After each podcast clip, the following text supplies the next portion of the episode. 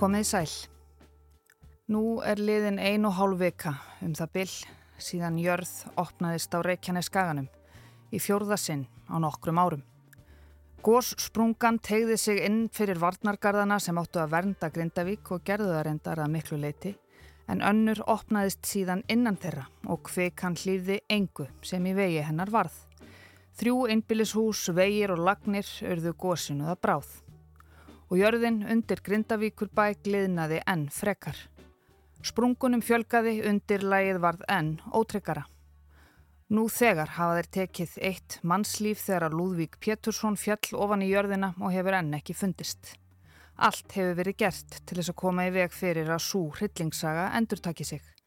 Meðal annars að flytja alla 3700 grindvikingana burt af svæðinu og banna þeim að fara heim til sín. Það er ekki talið örugt og því nöðsynleg aðgerð eins sársökafull og hún er. Við skiljum það, við höfum lengt í þessu áður, við verandi Íslandingar. Í vikunni voru liðin 51 ár frá eldgósinu í heimaði sem hafði í för með sér umfangsmestu fólksflutninga Íslands sögunar og stærstu og flóknustu almannavarnar aðgerð sem yfirvöld höfðu staðið frammi fyrir á þeim tíma.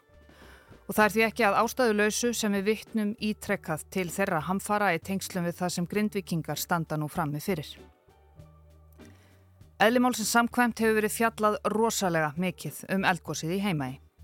Það hafi verið skrifaðar þúsundir frétta, framleitir þættir og heimildamindir, skrifaðar bækur og restir minnesvarðar. Og svo hafi verið skrifaðar rítgerðir líka. BA-verkefni Guðbjarkar Helgadóttur í nútímafræði við Háskólan á Akureyri 2011 fjallaði innmitt um eldgósið í heimægi.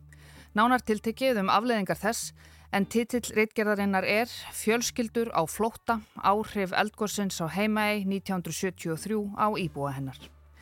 Ég heiti Sunna Valgerðardóttir og næstu tveir þættir að þetta helst í dag og á morgun verða helgaðir eldgóðsum í íslenskum mannabegðum, afleðingarnar sem þau höfðu á samfélögin í Grindavík og eigum og ég ætla að reyna að bera saman þær aðgerðir sem hefur verið ráðist í til þess að hjálpa íbúum þessara hamfarasvæða. Ég stiðist mikið við rítgerðina hennar Guðbjargar en það yfirgripsmikil og fróðleg og ég er ekkert svo eina sem hef á undanförnum dögum borið þetta tvent saman, Eyjar og Grindavík. Byrjum þáttinn á Alþingi fyrir vikunni og það er Ásmundur Fridriksson sem kemur fyrstur.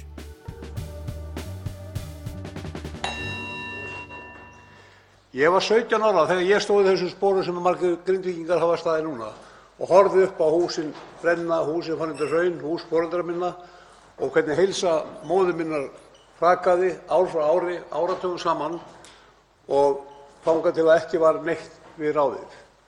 Þetta klingir í höfði mínu núna þegar þessi stund rennur upp og Grindvíkingar eru að berjast við það sama, að við verðum að bjarga þeim sálum sem berjast við sálarkreppu, missa húsin sín og heimili, missa allt sitt öryggi. Öryggið er heimilið. Eftir að eldgosið í Heimaey hófst árið 1973 samþykkti Alþingi þingsályktun um að skipuð yrði þverpólitísk þingmannanefnd til að gera tillögur um neyðarráðstafanir og fjármögnun þeirra. Tíu dögum síðar lagði nefndin fram lagafrumvarp um stofnun Viðlagssjóðs og þar náði Alþingi saman um fjögur skýr markmið sem unnið skyldi eftir í stuðningi við Vestmannaeyinga og fulla fjármögnun allra aðgerða. Fyrir hartnær 51 ári síðan, eða sex dögum eftir að 1.600 metra löng gossprunga opnaðist fyrirvaralaust í túnfæti Vestmannaeyinga, voru umræður í þessum sal um neyðarráðstafanir. Þá sagðist hv. þingmaður, þáverandi Jóhann Hafstein, með leyfi forseta, heita á Íslendinga alla að mæta þeirri ógn sem að höndum hefur borið í Vestmannaeyjum með þegnskap og samhjálp. Þessi orð eiga jafn vel við í dag og þá. Ef sú leið verður farin að flytja inn einingahús eins og gert var eftir eldgosið í Vestmannaeyjum í janúar 1973 þá gætu slík hús verið tilbúin eftir u.þ.b. eitt ár. Þess vegna þarf að hefjast handa strax. Ólafur Jóhannesson, forsætisráðherra og formaður Framsóknar, sagði í sjónvarpsumræðum skömmu eftir gosið í Eyjum þegar umræður voru um flutning byggðarinnar upp á land: Vestmannaeyjar skulu rísa. Þau áform sem ríkisstjórn Íslands kynnti í dag gefa okkur færi á von, gefa okkur færi til að segja: Grindavík skal rísa. Áfram Grindavík. Ég tek undir þessi lokaorð. Áfram Grindavík. Þarna heyrðum við í ásmundi Kristrúnu Frostadóttur, Þórdísi Kolbrúnu Reykjörð Gilvadóttur, Guðbrandi Einarsinni, Sigurði Inga Jóhansinni og Katrínu Jakobsdóttur. Þau voru meðal þeirra þingmanna og ráþeirra sem tóku til máls í vikunni í sérstakri umræðu um aðgerði ríkisins vegna hamfarana í Grindavík sem hefur nánast staðið auð síðan í fyrri rýmingunni 10. november í fyrra. En eldgórsið á sunnudagsmorninum 14. janúar síðastliðin og mannfallið í sprunguna fjórum dögum fyrr setti aðstæðunar í annað og verra samhengi. Grindvikingar eru 3700 talsins, þar af eru um 700 erlendir ríkisborgarar sem eiga mörg þar af leiðandi ekki eins gott nett og við hinn. Meðalaldur grindvikinga er 36 ár. Allir þessir grindvikingar, ungir og aldnir, íslenskir og útlenskir, þurftu að fara og vera annar staðar. Og nú er ljóst að þau þurfa að vera annar staðar í dágóðan tíma. En hvar eiga þau að vera og hvernig eiga þau að fara þángað? Ríkistjórnin er að reyna að finna lausn á því. Og mánudaginn kom eitthvað af því í ljós. En áður, en við skoðum það, skulum við aðeins revja upp þar sem þingmennir hér áðan voru að tala um. Eldgósið í heimægi það fyrsta í 5.000 ár. Þetta hljóð ágetu hlustendur á uppruna sinn í vestmannegjum. Þarna heyrum við í heimaegargósinu sem að hófst aðfara nú 20. og 3. janúar 1973 og hvernig öflugar hljóðbylgjurnar bergmála í heimagleti.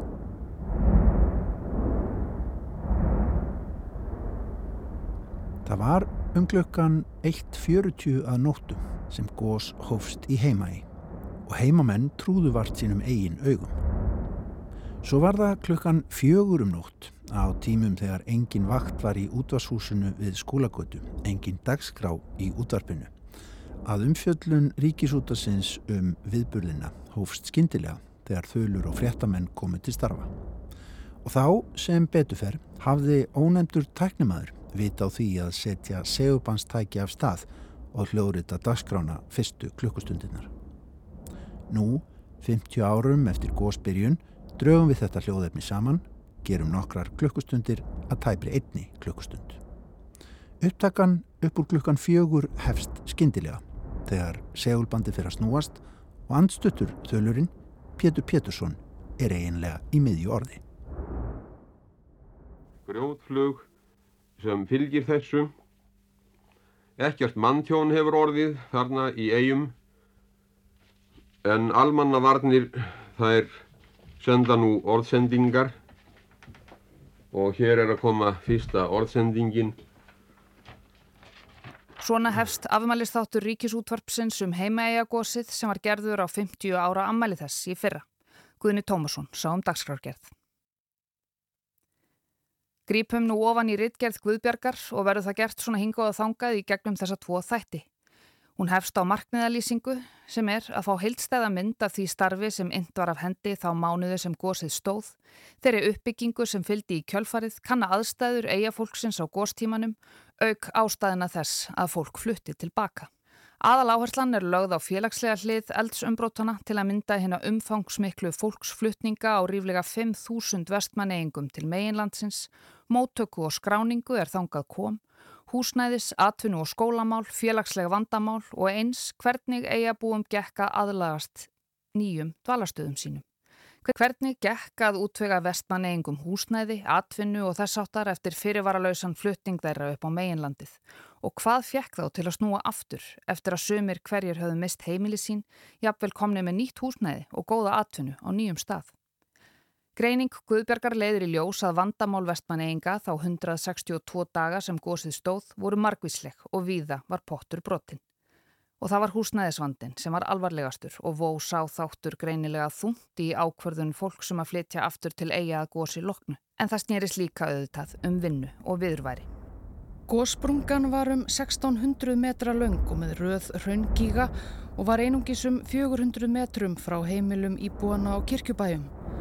Upp úr sprungunni geistust glóandi kvikustrókar alltaf 150 metra í loft upp á fyrstu klukustundunum.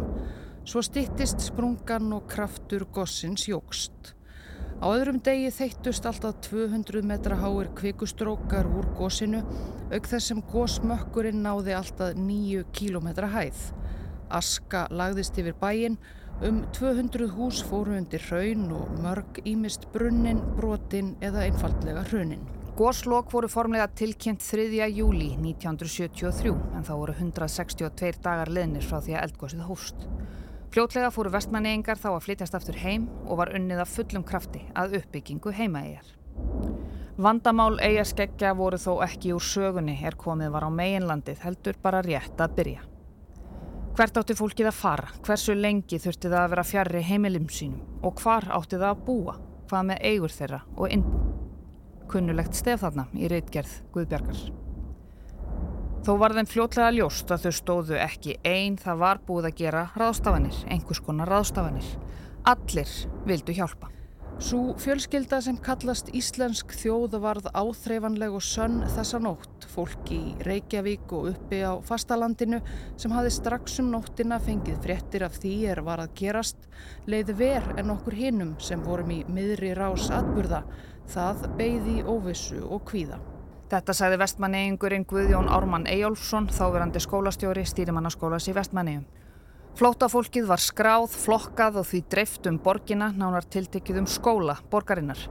Fólkið fór ímist í Árbæjarskóla, Östubæjarskóla, Hamrallíðaskóla, Langkoltskóla, Melaskóla, Sjómanaskólan, Vogaskóla eða á sjúkrahús eða hjúkrunarheimili.